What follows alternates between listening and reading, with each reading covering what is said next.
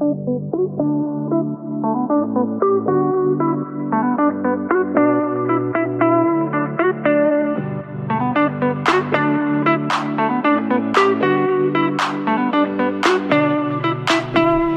är det Q&A! Q&A time! Alltså jag måste ha spräckt varenda lyssnares hörselgång nyss. Du bara skriker. Jag skriker. Men nu är det Q&A. Ja, det är dags att svara på tittarnas frågor. Tittarna har vi börjat med Youtube nu. Ja, exakt. Okej! Lyssnarnas Så för er som frågor. tittar på oss på andra ställen. Här kommer er Q&A.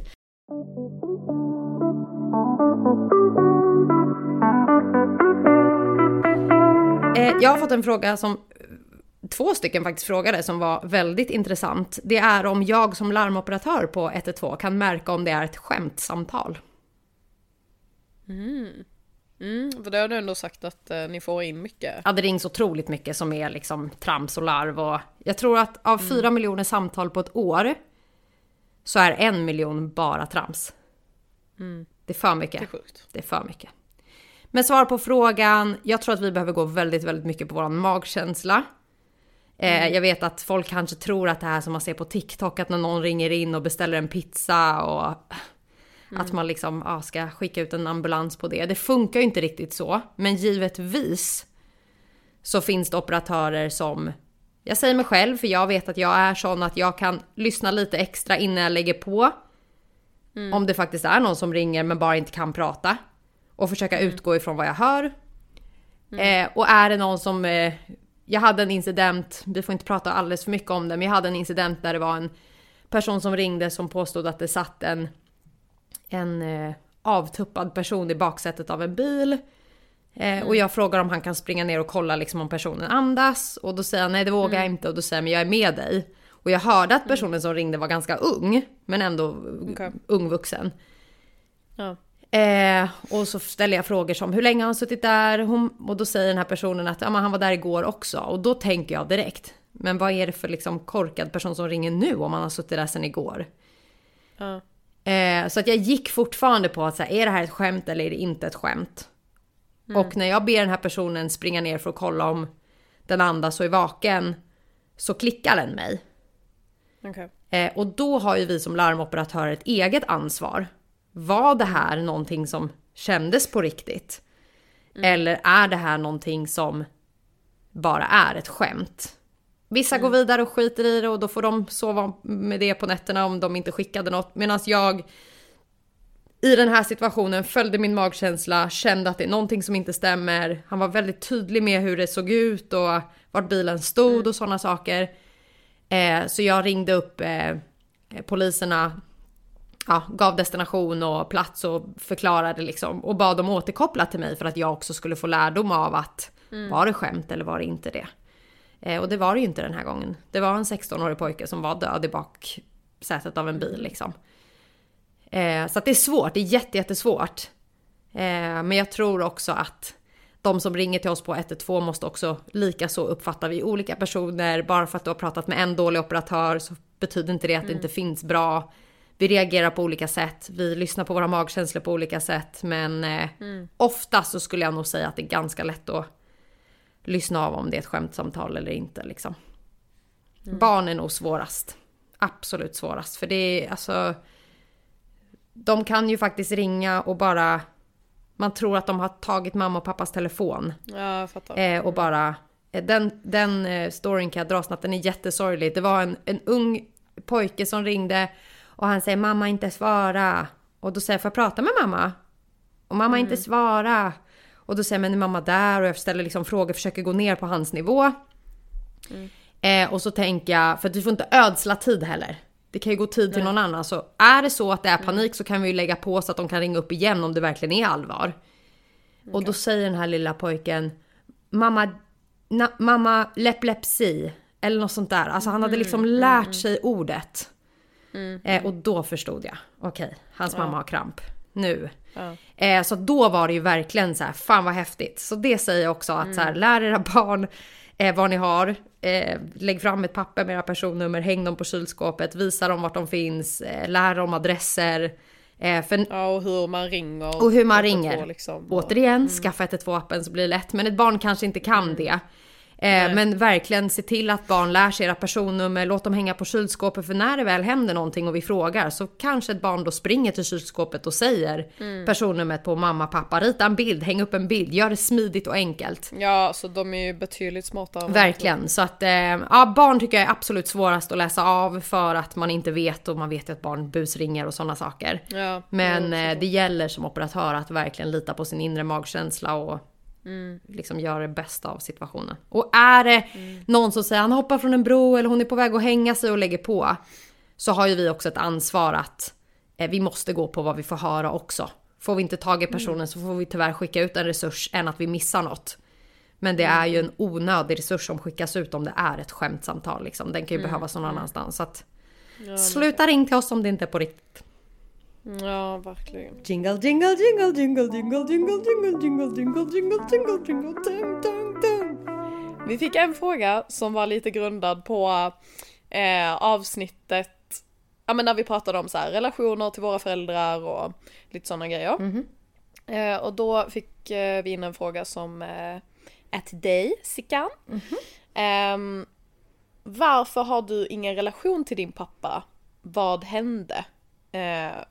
Personen här har själv haft en tuff uppväxt och valde att säga upp kontakten med sin pappa. Du behöver inte gå in så här jättedjupt kanske. Men eh, bara lite så här. Varför valde du att säga upp kontakten med honom? Eh, alltså en podd är ju till för att liksom, man behöver inte berätta allt men samtidigt det- det får vara ganska ofiltrerat också. Jag skäms inte över vad som har hänt. Jag tycker att min pappa ska få skämmas för det som hände snarare. Eh, under mina ungdomsår så blev jag grovt misshandlad av min pappa. Och eh, det här pågick under väldigt, väldigt många år. Eh, år jag har förträngt. Eh, det här är saker jag har fått återberättat. Eh, jag minns en gång och jag minns den väldigt tydlig. Vilket eh, givetvis eh, satte käppar i hjulet för min pappa. Eh, det blev hårdare regler, det har varit rättegångar, det har varit allt möjligt. Eh, men någonting jag ändå är stolt över att, är att min mamma har aldrig tagit pappa ifrån oss, eller vad man ska säga.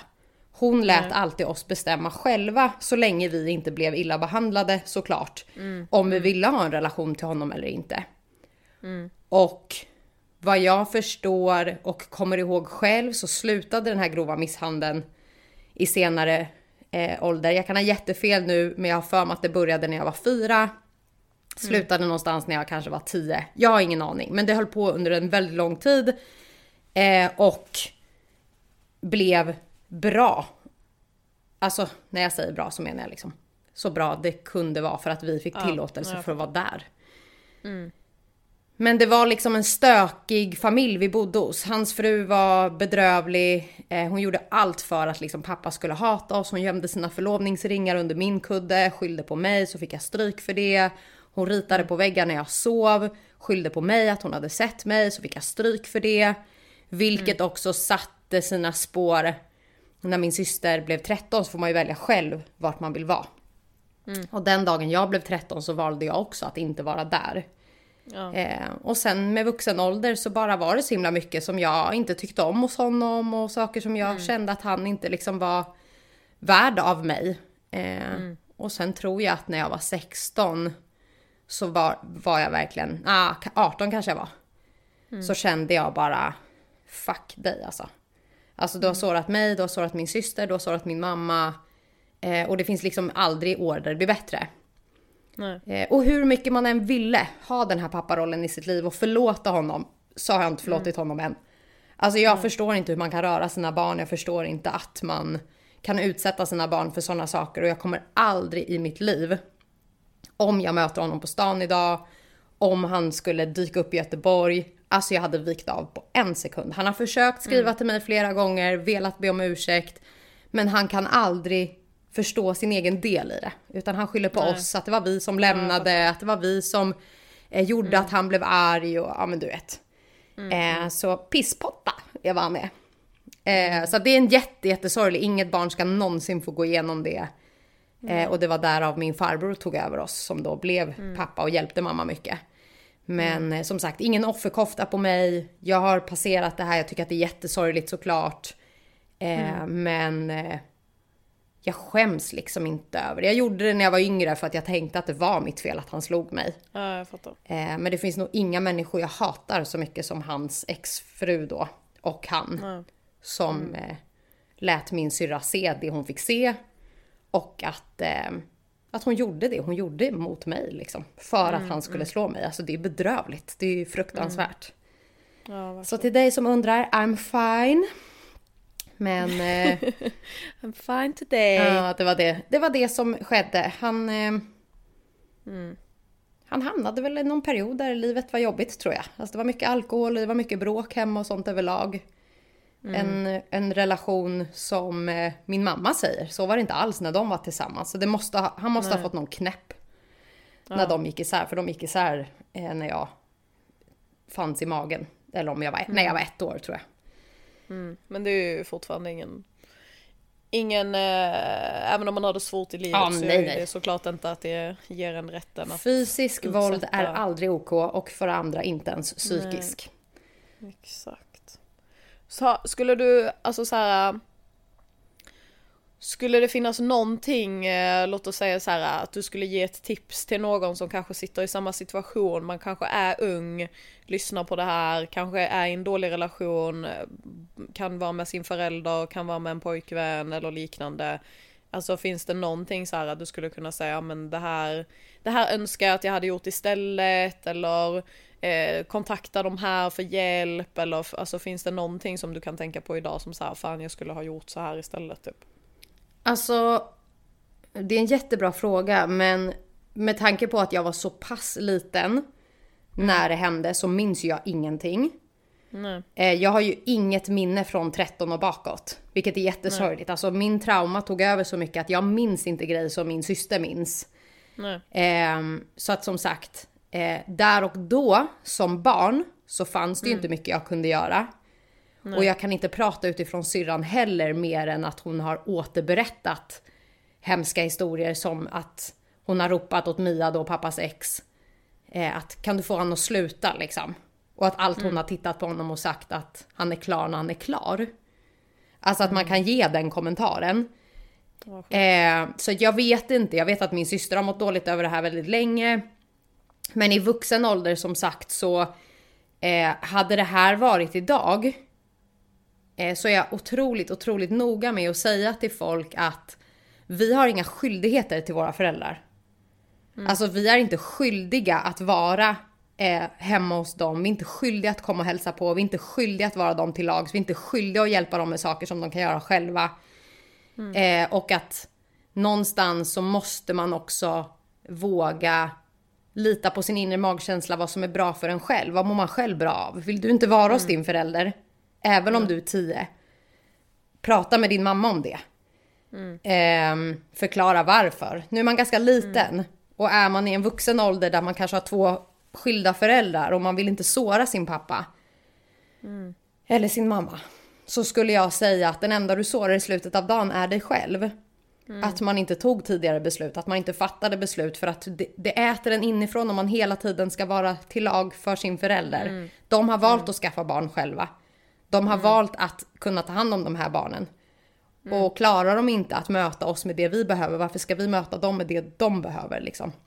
Så att mitt enda råd till alla som sitter i situationer med partners eller föräldrar där man inte vill vara eller där man inte mår bra är att ehm, prata, ehm, låt det göra ont, men känner du att det finns en annan utväg så ta den.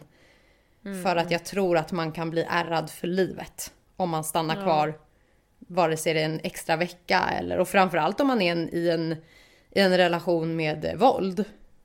Så säger jag att det slutar aldrig. Nej. Det kommer aldrig att bli bättre. Eh, och även om du tror att men det var mitt fel att han slog mig eller jag sa något som han inte gillade. Så är fysisk och psykisk våld aldrig OK. Och jag säger framförallt inte från en förälder. Det spelar ingen roll alltså. Nej. Get out. Så om du hör det här pappa, jag har inte förlåtit dig, kommer aldrig förlåta dig, jag kommer aldrig förlåta Mia och du är ett svin. Vi säger fuck you! Fuck you Stefan!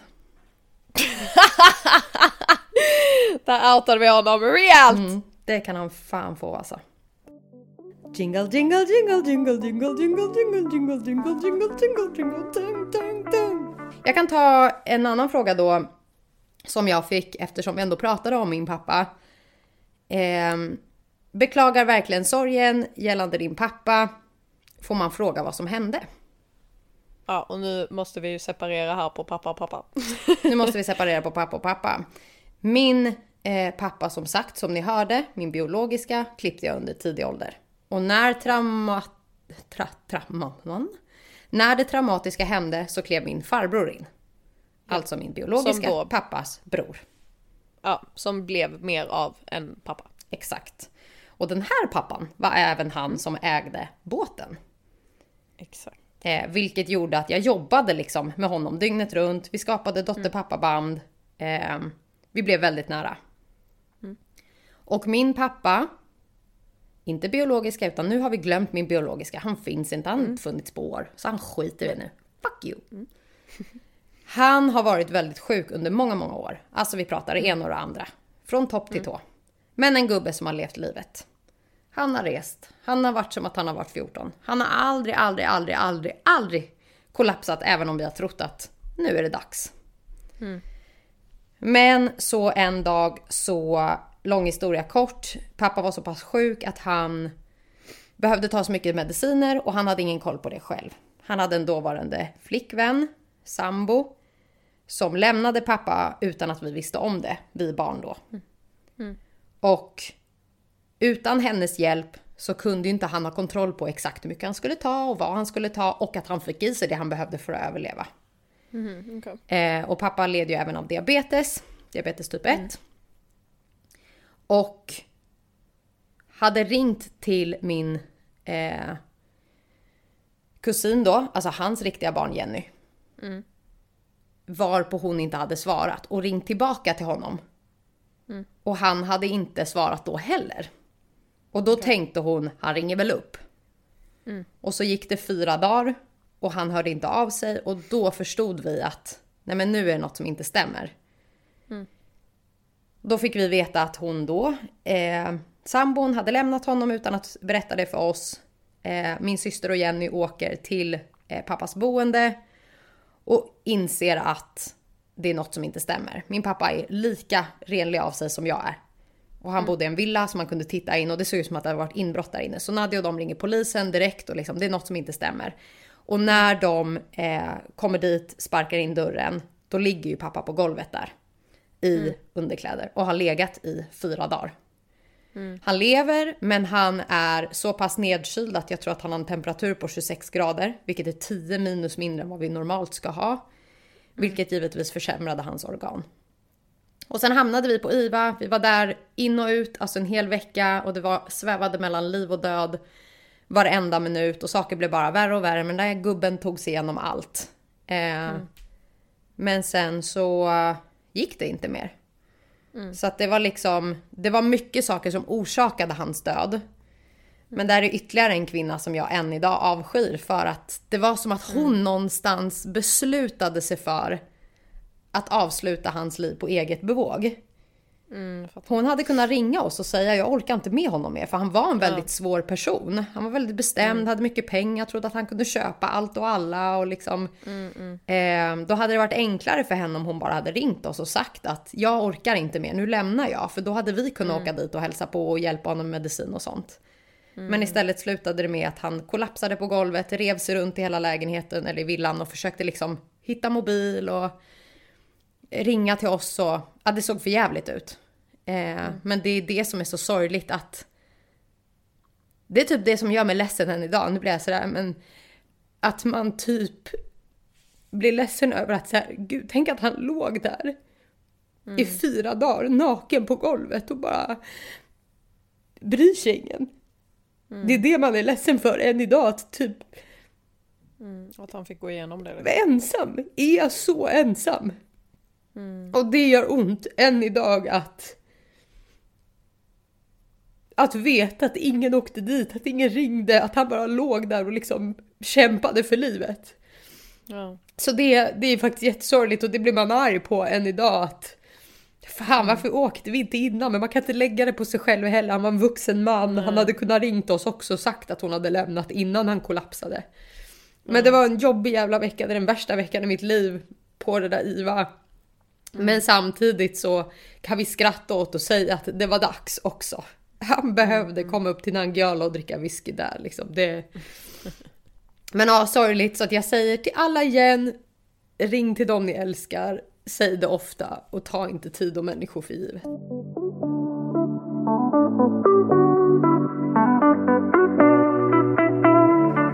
Jingle, Jingle, jingle, jingle, jingle, jingle, jingle, jingle, jingle, jingle.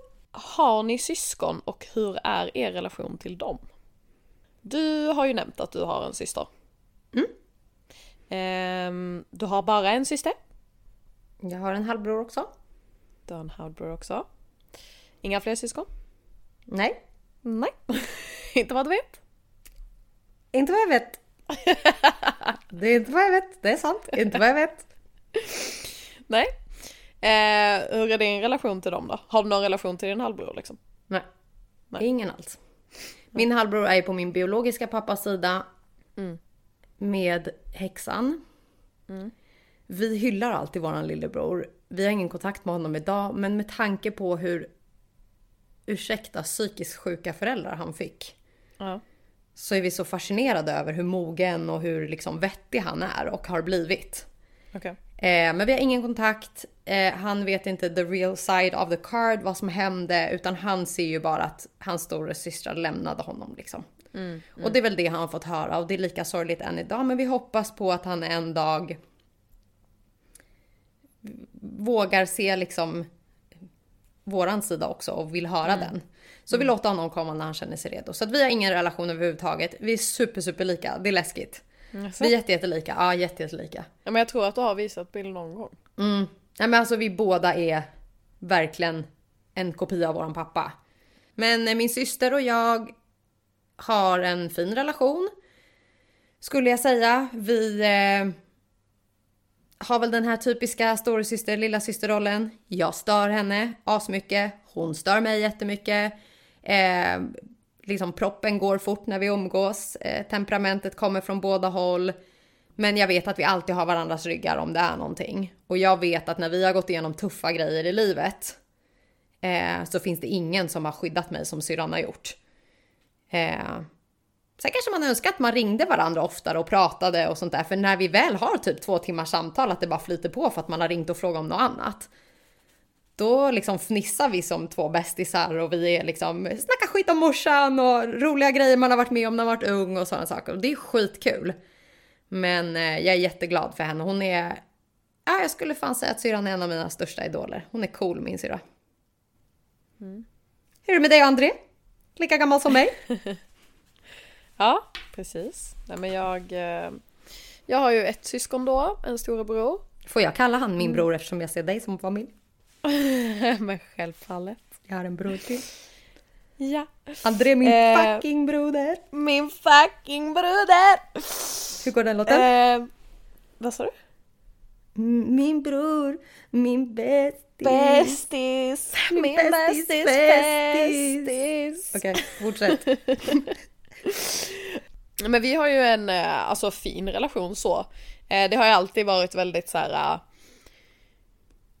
Ja, men vi kanske inte har en så här typisk syskonrelation där man kanske har bråkat mycket och ofta eller du vet så här eh, stört sig mycket på varandra eller sådana grejer. Utan eh, vi har alltid haft en ganska så här eh, ja men lugn och bra relation. Vi har typ så här när vi växte upp och sånt, alltså jag kunde ju hänga tillsammans med han och hans vänner också ibland och ehm, Alltså lite så. Och sen jag har ju alltid Alltså av oss två så har väl alltid jag varit den liksom jobbiga ehm, Krävande kanske. Medan han alltid har varit eh, Ja men väldigt lugn och du vet väldigt snäll och så här.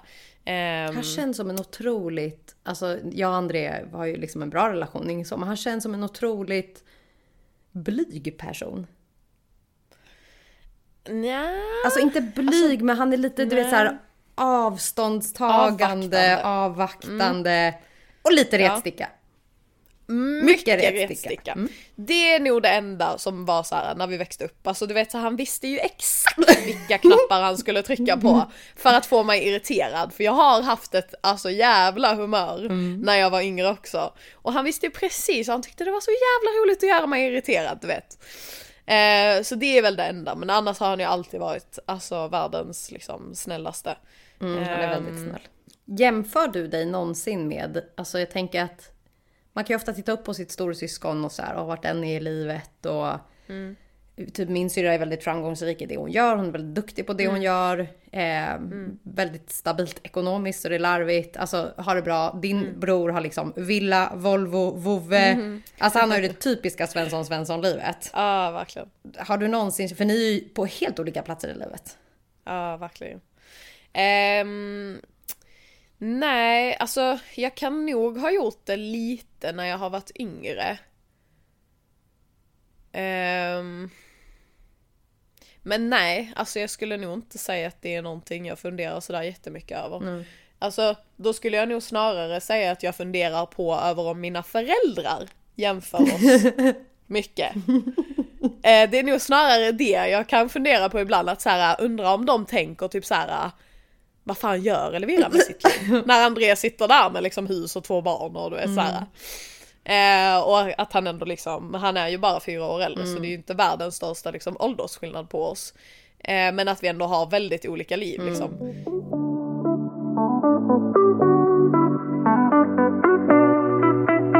Jessica, fick du något kul i födelsedagspresent? Min vän Villa. Alltså min älskade vän Villa från Slätta. Hon gav mig det i födelsedagspresent, att vi skulle åka till en bondgård och mjölka kor. Och jag skrek rakt ut i bilen. Alltså jag har nog aldrig varit så glad. Jag vet inte hur många år jag har tjatat om att varför tar ingen mig på det här? Så jag ska dra i spenor och jag ska dricka varm och färdig mjölk och jag ska bara hänga med de här korna. Ja, alltså så hypad som du har varit för att göra detta så är jag väldigt intresserad av att veta hur roligt du faktiskt tyckte att det var sen när du väl har gjort det. Alltså. Vill du höra en fun fact? Min mormor var tydligen en jävel på att mjölka spenor sa mamma. Mjölka spen. Så det, Mjölka ko. mjölka ko. Så det kanske sitter hos mig också. Jag kanske är en jävel på Sitter det. i generna. Mm. Så att eh, givetvis har jag fått, jag fick ett guld av Pagge. Ja, alltså jag har fått fina saker. Men jag måste säga att det jag absolut mest gladast över det är att gå och mjölka kossor. Ja, alltså vi ska definitivt prata om det här när du har varit eh, där sen. Det ska vi. Jingle, jingle, jingle, jingle, jingle, jingle, jingle, jingle, jingle, jingle, jingle, jingle. Hur ser ni på era kroppar? Komplex? Är det någon av er som har upplevt bulimi eller liknande? Då vi nu kommer gå in på ämnet kroppskomplex och även ätstörningar så skulle vi vilja säga att om det är någon som blir triggad av det här ämnet så rekommenderar vi att bara hoppa längre fram i avsnittet. Eh, jag eh, har ju inte liksom, jag har aldrig haft någon liksom sjukdom eller så kopplat till liksom eh, kroppshets eller liknande. Eh, men det är ju klart att så här, när man växte upp och sånt att man eh, Ja men det kom väl egentligen med sociala medier. Definitivt tror jag. För innan det vet det fan om man, om jag i alla fall tänkte så jättemycket. Ehm, sen kommer det ju säkert kanske med tonåren och sånt också. Men tonåren för oss i alla fall blev ju sociala medier för det var då vi började med det. Men ehm, nej så det är väl klart att man så här. Ja men man har kanske varit lite så här, ja men jag måste typ gå och träna och jag får inte äta så jättemycket kanske eller sådana grejer. Ehm, så man har ju haft lite sådana komplex såklart. Ehm, jag hade nog lite komplex liksom över att jag kanske hade små bröst. Ehm, jag har haft lite komplex över liksom mina armar. Att jag tycker att mina armar är kanske lite, alltså större än vad resten av min kropp är typ eller proportionerligt sett liksom. Alltså menar du Men- bred axel, bredaxlad eller Nej, alltså typ alltså, vad ska man säga? armen? Överarmen? Ja, fettet på mina armar. Fettet på dina armar. Okej, är jingle jingle på armarna. Ja, exakt. Men eh, nej, alltså annars har jag inte så här. Jag, jag tänker faktiskt inte jättemycket på sånt. Eh, och i dagsläget så känner jag inte alls att jag har någon kroppshets överhuvudtaget. Mm. Vilket är bra. Mycket bra. Det är skönt. Mm, verkligen. Ja, lång historia kort. Jag eh, har haft otroligt mycket kroppshets under många, många år. Jag var väldigt osäker. Jag tror att det också grundar sig i liksom bakgrund och hur man har blivit behandlad. Men eh, jag led av bulimi, levde på ett äpple om dagen, drack bara kaffe, gick milen, rasade 13 kilo på typ, alltså vi pratar två månader. Jag var riktigt dålig. Och det här drogs jag med under många, många år tills att jag träffade Pagge.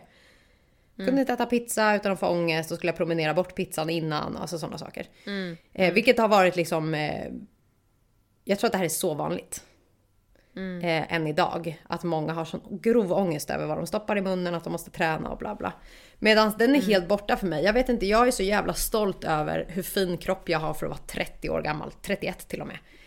Någonstans så glömmer man bort liksom att kroppen kommer alltid att förändras. Och den dagen man skaffar barn så ska man liksom lära sig att hantera hur kroppen ser ut efter det.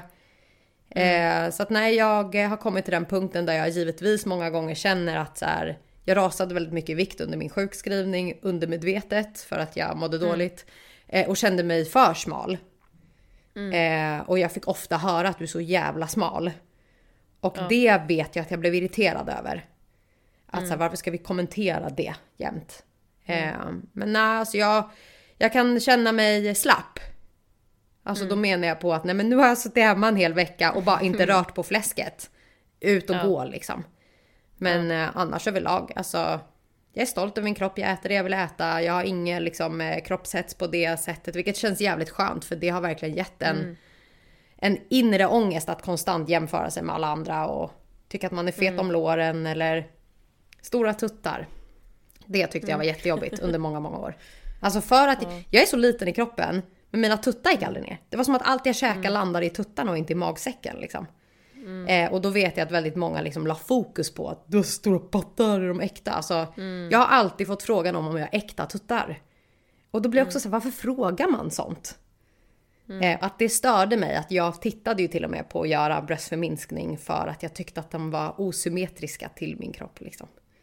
Men idag, jag är en stolt big boobie. Och eh, Men det är sjukt också hur det alltid är så att man vill ha det man inte ja, har. det är helt galet. Det är sjukt. Alltså du vet så här, jag har blont hår, jag önskar att jag hade Mm. brunt hår. Eh, jag har eh, eh, små bröst, jag önskar att jag hade större bröst. Alltså du vet Nej men så alltså, här, snälla kan vi prata om fräknar? Man blir... Jag blev mobbad hela livet för mina fräknar. Blev kallad prickig korv. Folk, alltså de var hemska emot mig när jag var liten. och idag har liksom de som mobbade mig mest, har jag sett på sociala medier, har alltså mobbat mig för mina bröst, alltså allt sånt. De har gjort bröstförstoring, de har tatuerat in fräknar. Och jag bara blir så här. Det, det är så jävla typiskt. Men det är också så sorgligt för att jag berättade för mamma för typ någon vecka sedan hur, hur jävla mycket jag hatade mina fräknar. Att på skolavslutningen så klädde jag på mig vita kläder eh, och så sminkade jag hela armarna med foundation. För att täcka mina fräknar, för jag har väldigt mycket fräknar på armarna. Och så vet jag att det var ett löv som blåste på mitt knä när jag satt på busstationen så skulle jag så skjuta bort det med armen men glömde jag att hela armen var insmord i foundation och jag var på väg till skolavslutningen. Och då var ju hela outfiten förstörd liksom. Att det är så sorgligt över att de här komplexen kan ta över så mycket. Ja, verkligen. Vi måste lära oss embracea hur vi ser ut. Och är man inte nöjd, sluta gnäll, gör någonting åt det. Men sluta med fucking kroppshets. För att det finns så många runt omkring oss. Jag har slutat följa många. Alltså deras story. Jag följer dem inte, men jag följer inte deras stories. Så jag kan inte liksom umgås med dem. För allt de vill göra är att promenera. Eller allt de vill göra är att bara äta hälsosamt. Och ehm, typ om jag går till läkaren och de frågar vad jag väger. Och jag säger ingen aning, jag har inte haft en våg hemma på evigheter. Så säger de ställ dig på vågen och då säger jag men då vill jag inte se. Och det är inte för att jag skäms över vad siffran säger för jag vet att jag är liten. Men jag har ingen aning om vad mina hjärnspöken svarar på siffran. Nej men exakt. Så livsfarligt. Men eh, jag tänkte på det också för jag menar, vi bodde ju ändå ett år tillsammans. Mm. Och jag vet att jag tänkte på det under tiden som vi bodde tillsammans. För jag visste ju att du ändå hade problem fortfarande. Jag spydde ofta när vi bodde ihop. Ja. Ehm, men det var ju ingenting som du såklart alltså, visade för mig eller Kom, någonting kom, som vi... med mig på toan. Nej men alltså bara så här, eller någonting som du sa eller alltså du vet så här. Ehm, men jag visste ju ändå, alltså ja, för du hade ju ändå nämnt det liksom i alla fall att du hade haft det tidigare och du vet så här. Och det var ju såklart ändå mycket under tiden som vi bodde tillsammans att så här. Ja men vi gick ju ändå och tränade mycket och vi var ju ute och rörde på oss mycket. Sen åt vi ju mycket också. Mm. Ehm, men vi rörde ju mycket på oss och sånt också. Ehm, men så här. Alltså. Typ hade du önskat att jag typ hade frågat mer om det eller typ så här. ehm, hade det känts jobbigt om jag hade frågat dig? Jag tror bara att man nekar det. Ja. För att när jag var som mest sjuk så visste ju mamma, alltså. Hon tog ju bort kakburkar på vardagsrumsbordet när jag var och hälsade på. Och så sa jag så ta fram kakorna. Hon bara, nej du ska inte äta. Och det var ju för att hon visste att äter jag så kommer jag göra något dumt för det sen. Eller jag kommer ha ångest och sitta och klämma på magen. Jag klämde ju mycket på mig själv hela tiden liksom. Så mammas, liksom, för att undvika det var ju att ta bort allt det här som jag vill äta liksom. Så att nej, jag, jag hade aldrig erkänt det tror jag. Jag hade aldrig liksom... Det tog ju lång tid innan jag liksom vågade säga att ja, men nu är jag nog frisk. Jag tror aldrig att man blir 100% frisk om jag ska vara ärlig. Nej. Utan det sitter ju alltid som sagt att man inte vågar ställa sig på en våg eller sådana saker. Men eh, jag tror att om man är med någon som faktiskt har grov bulimi eller som ja, spyr så som jag gjorde. Så är det extra viktigt att sätta ner foten. För att om man hela tiden påpekar att så, du är så himla fin och smal, alltså man säger ju ofta sånt. Det triggar ju den personen till att bli ännu smalare. Alltså för att man ser ju ofta inte resultat själv utan Eh, så att beblandar man sig med någon som har ätstörningar eller som har sånt kroppskomplex och konstant hela tiden yttrar sig om det. Att man är fet eller man liksom eh, inte vill äta. Alltså man kan ju se när man är ute och käkar med folk att någon väljer att inte äta för att eller att den väljer att inte fika eller inte vill ha något. Att jag eh, jag var ganska tydlig när jag blev sjuk att jag kan inte umgås med dig. Det går inte för att du sätter igång mina problem för att du har dem liksom. Och det är bara för att vara rak.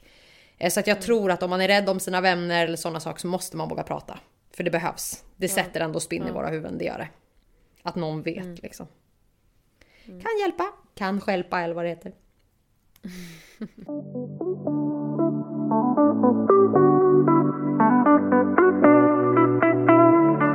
Lilly, du har fått en fråga. För två avsnitt sen så pratade vi om eh, väldigt mycket djupa, jobbiga samtal. Allt ifrån alltså, hur relationer har påverkat oss, eh, föräldrar, faders roll och bla bla. Och du nämnde att din första relation fuckade dig totalt.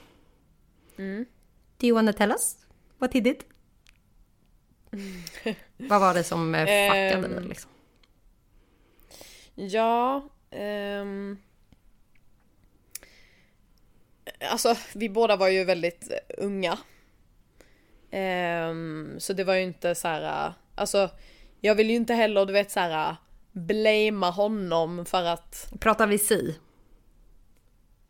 ja exakt. Och ehm, alltså vi båda var ju väldigt unga, alltså det var mitt första förhållande, alltså det var väl Alltså typ relativt, alltså hans första förhållande också. Ehm, vi, är ju, alltså, vi var ju lika gamla också. Eh, så det är inte så att han var äldre än mig eller du vet så här, utan vi var ju lika gamla.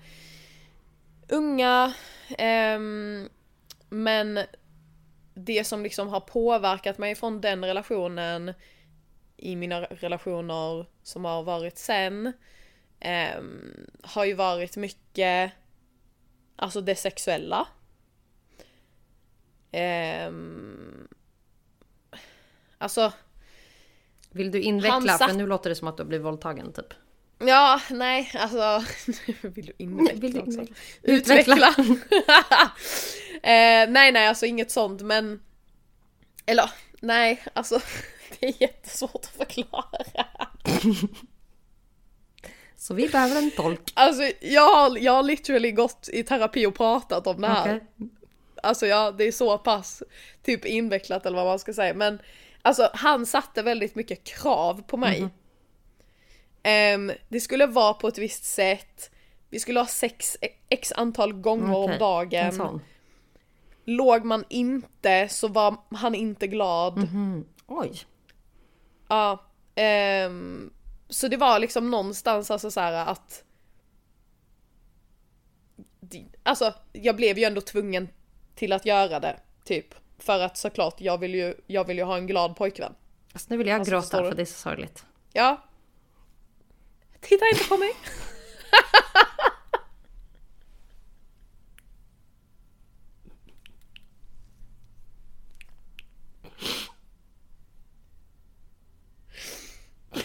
alltså.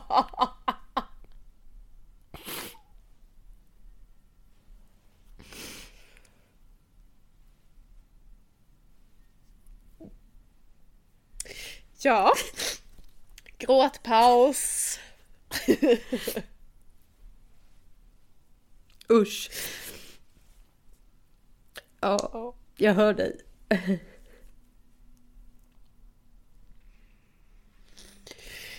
Eh, ja. Fuck min pappa och fuck han. ja. ehm. Nej men. ehm, ehm, Han satte otroligt mycket krav på hur du skulle vara som partner. ja men typ. Eh, I alla fall när det kom till eh, ja, men sex och sånt. Och eh, som sagt, det var min första relation. Så det satte ju någonstans, du vet så här, ribban för mig och Alltså var jag också, du vet så här, då blev det ju som att jag också trodde att det är så här det ska Mm, vara. Ehm, och typ då om jag går vidare och, påbörjar en ny relation om det typ inte är på samma sätt så blev jag också du vet så här osäker på om personen tyckte om mig. Ehm, Varför har vi aldrig pratat om det här? Jag vet inte. För det här delar ju vi båda. Alltså det här är ju... Det, det är sjukt, jag visste inte det här. Men det, vi har ju pratat om hur jobbigt den sexuella biten har varit för oss under alla år och att för oss har det varit så oviktigt och bla bla. Men det är ju som du säger, för att män satte spinn i vårat huvud att om vi inte gjorde det som de ville så var, var man inte älskad och omtyckt. Att man i alla Exakt. andra relationer framåt hade sex för att inte bli lämnad eller bli omtyckt. Eller liksom så. Det är så jävla sorgligt, alltså jag blir så förbannad. Ehm, nej. Men, eh, men jag tror också anledningen till att vi kanske inte har pratat om det är ju för att typ jag Hatar vissa jag har ju ins... Nej men jag, jag har dels det, men jag har ju också insett mycket av det här på de senaste åren. Och det var typ egentligen i min senaste relation som jag verkligen började fundera över det och faktiskt också då började prata med någon angående det. Ehm, för att jag kände att det är någonstans, jag har ju fattat nu att det har påverkat mig så pass mycket. Och att sex Eh. ändå tyvärr är en så pass avgörande del i många relationer. Alltså sex är ju fint när det är på riktigt och när man får älska och det blir liksom för bådas liksom viljor. Att när man väl kommer till den punkten så vill man ju själv. Men det tog ju och är, jag vet ju att du fortfarande är kvar där och tycker att det kan vara jobbigt. Eh, och att jag sa till dig någon gång, det kommer att släppa.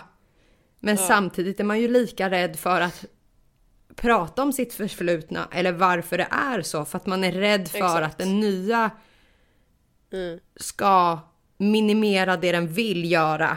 För att du ska Ja. bli rädd eller känna dig obekväm Exakt. Mm. eller sådana saker. Och det vill man ju inte sätta en partner i liksom. Nej. Nej, alltså det var ju det som blev typ the issue i, mitt sena, i min senaste relation. För att det, ble, det gick typ till gränsen där jag var, jag var tvungen att berätta Alltså typ varför jag kände som jag kände eller du vet så här, för för honom var det helt, alltså han blev ju såklart helt förvirrad. Ehm, så det var ju då också jag typ blev lite tvungen att ta tag i det själv.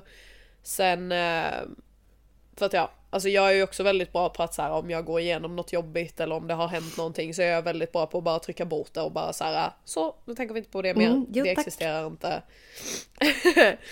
Ehm, men ja, så att eh, alltså det, det är liksom det har hängt med mig väldigt mycket, alltså ja men just det här att att Ja men att man kände att man kanske inte blev omtyckt om man inte låg med någon eller eh, att det liksom var någonting som var tvunget till att finnas i varje relation. Alltså du vet så här, det är klart att man alltså vill ligga med sin partner mm. men du vet så här, för mig har jag ju alltid då egentligen känt att så här, sex för mig är inte det viktiga. Ja, vet.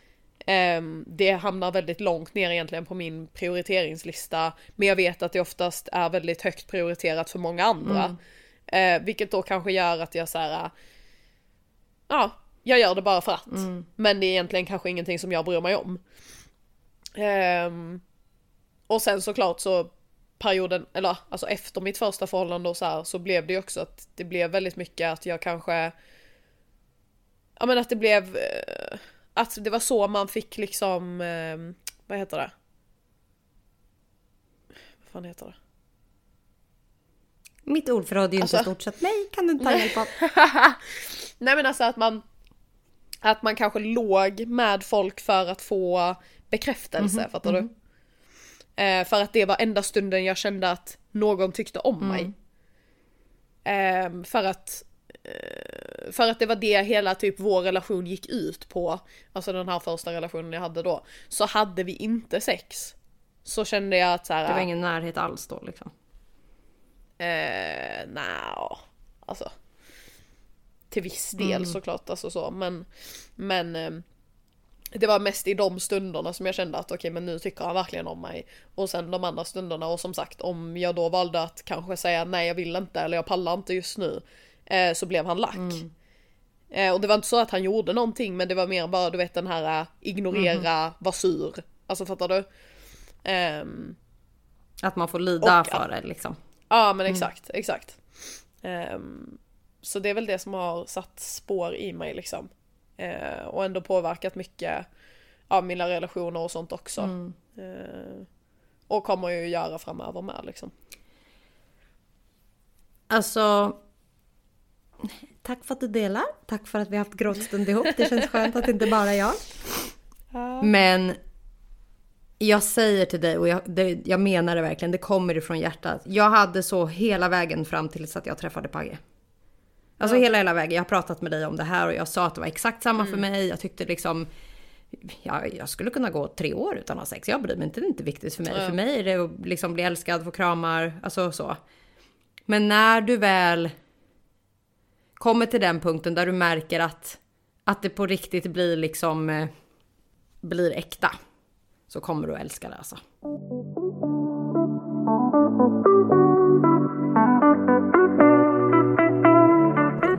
Ja, det blev en väldigt eh, inlevelserik podd med mycket, mycket känslor. Mm, men jag tror också att det är eh, det är den the real side of us. Vi är väldigt eh, öppna, ja, raka och eh, jag tror att det är det som också blir extra kul med våran podd att folk tycker om att vi faktiskt är ofiltrerade och vågar visa känslor. För det säger vi till alla. Våga visa känslor. Det är, man är inte en svag person för att man visar känslor eller säger nej eller säger ifrån. Nej och man är ju oftast inte ensam. Alltså det är väl oftast det kanske man kan känna att så här, men jag vill inte prata om det för att det är ingen annan som går igenom det. Men ofta så är man liksom inte ensam ju. Um, och den här podden får helt enkelt bli terapi för oss båda också. Mm. Jag gillar inte att prata känslor men det är det man får göra här. Verkligen. Det känns skönt att jag inte är den enda som har gråtit i podden den här gången. Ja. Så nu vet ni, I'm not only the crybaby in this podcast. Nope, we are two now. Men ja, livet är fint. Vi har kommit långt, mm. vi har mm. lärt oss mycket och jag hoppas verkligen att ja. ni som lyssnar tar vara på livet, lyssnar på vad som är rätt och fel, säger stopp när det är stopp och eh, sluta vara andra till lags. Det gäller allt. Ja, verkligen. Alltså be unpalaget, vad fan heter det? Un... Ska du fråga mig det?